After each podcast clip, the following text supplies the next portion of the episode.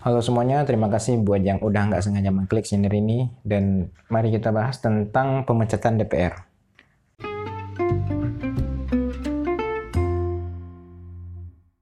Pertama-tama mari kita bahas dulu tentang apa tugas dan kewajiban dari DPR. Nah, fungsi DPR itu sendiri seperti yang biasa kita tahu yaitu membuat undang-undang, menyusun undang-undang, menyetujui undang-undang yang diajukan oleh DPD atau presiden. Kemudian juga memberikan persetujuan terkait APBN dan juga mengawasi mengawasi jalannya pemerintahan, mengawasi anggaran yang berjalan, mengawasi pelaksanaan undang-undang yang berlaku atau yang baru saja disetujui oleh mereka. Nah, ketika fungsi tersebut dijalankan dalam kerangka representasi rakyat di mana setiap keanggotaan dewan wajib mengutamakan kepentingan rakyat yang diwakilinya sehingga menjadikan mereka wakil rakyat. Dan seperti juga uh, pilkada dan pilpres, masa bertugasnya DPR itu adalah uh, selama lima tahun. Kecuali bagi mereka yang tidak bisa menyelesaikan masa jabatannya. Seperti anggota dewan yang diberhentikan di tengah-tengah masa jabatannya akan digantikan oleh calon legislator lain. Ya ini yang mengikuti pemilu legislatif melalui RAU, eh, melalui PAU atau pergantian antar waktu. Nah, untuk dapat dipilih melalui anggota dewan, calon legislator harus berusia minimal 21 tahun dengan latar belakang pendidikan minimal SMA dan merupakan WNI yang sehat jasmani dan rohani dan yang paling penting calon anggota DPR juga diwajibkan berasal dari partai politik. Diwajibkan yo, diwajibkan loh dari parpol dan tidak ada calon independen. Nah, Terus apa yang menyebabkan anggota DPR ini berhenti di, tengah-tengah? Dalam laman dpr.go.id itu tidak dijelaskan bagaimana dan siapa yang berhak memberhentikan keanggotaan DPR itu. Angkatan tapi katanya yang berhak memberhentikan keanggotaan DPR adalah melalui Badan Kehormatan Dewan Perwakilan Rakyat. Jadi Badan Kehormatan DPR berhak menjatuhkan sanksi bagi anggota DPR yang melakukan pelanggaran. Dan tugas Badan Kehormatan antara lain melakukan penyidikan anggota DPR yang diadukan melanggar sumpah, kode etik, atau tidak melaksanakan kewajibannya. Untuk menyelidiki sebuah pengaduan, Badan Kehormatan berwenang menggelar sidang dengan menghadirkan pengadu, sang saksi, dan anggota dewan yang diadukan.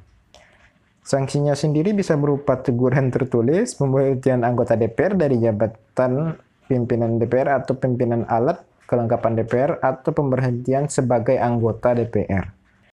Selain itu yang juga berhak memecat anggota DPR adalah partai politiknya sendiri. Atau bisa dibilang ketua umum parpolnya lah yang berhak atau termasuk yang powerful untuk memecat anggota DPR itu sendiri.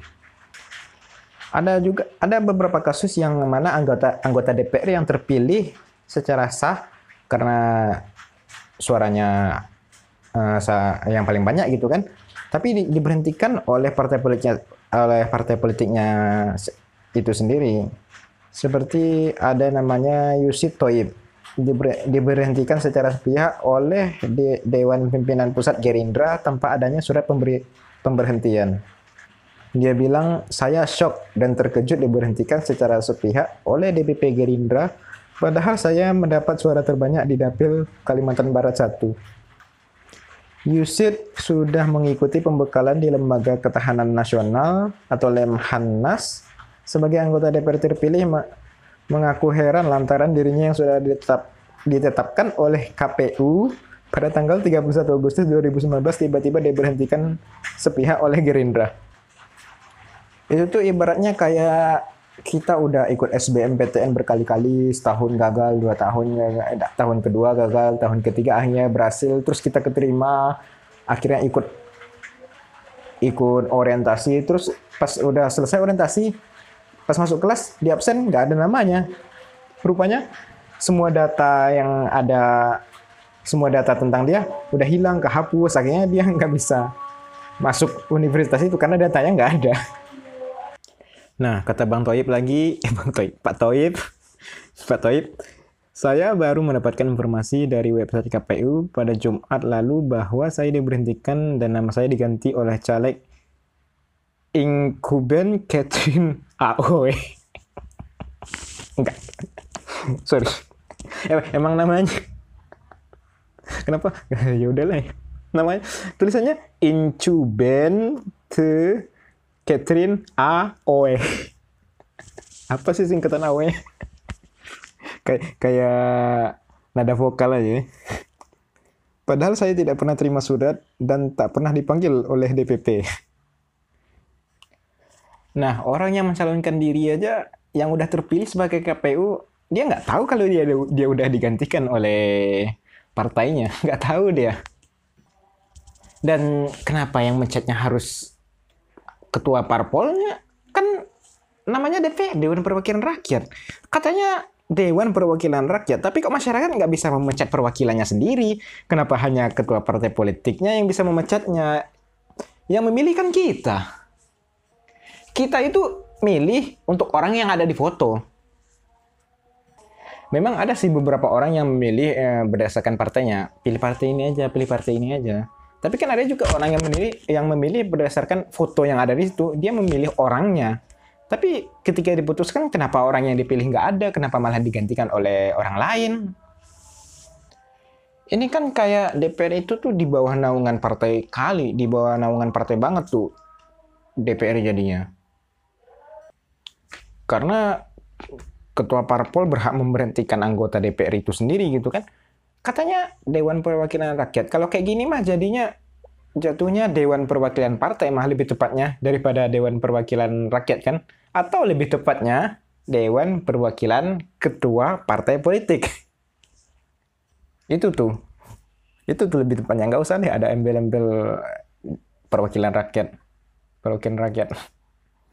Padahal mah yang berkuasa emang ketua parpolnya aja.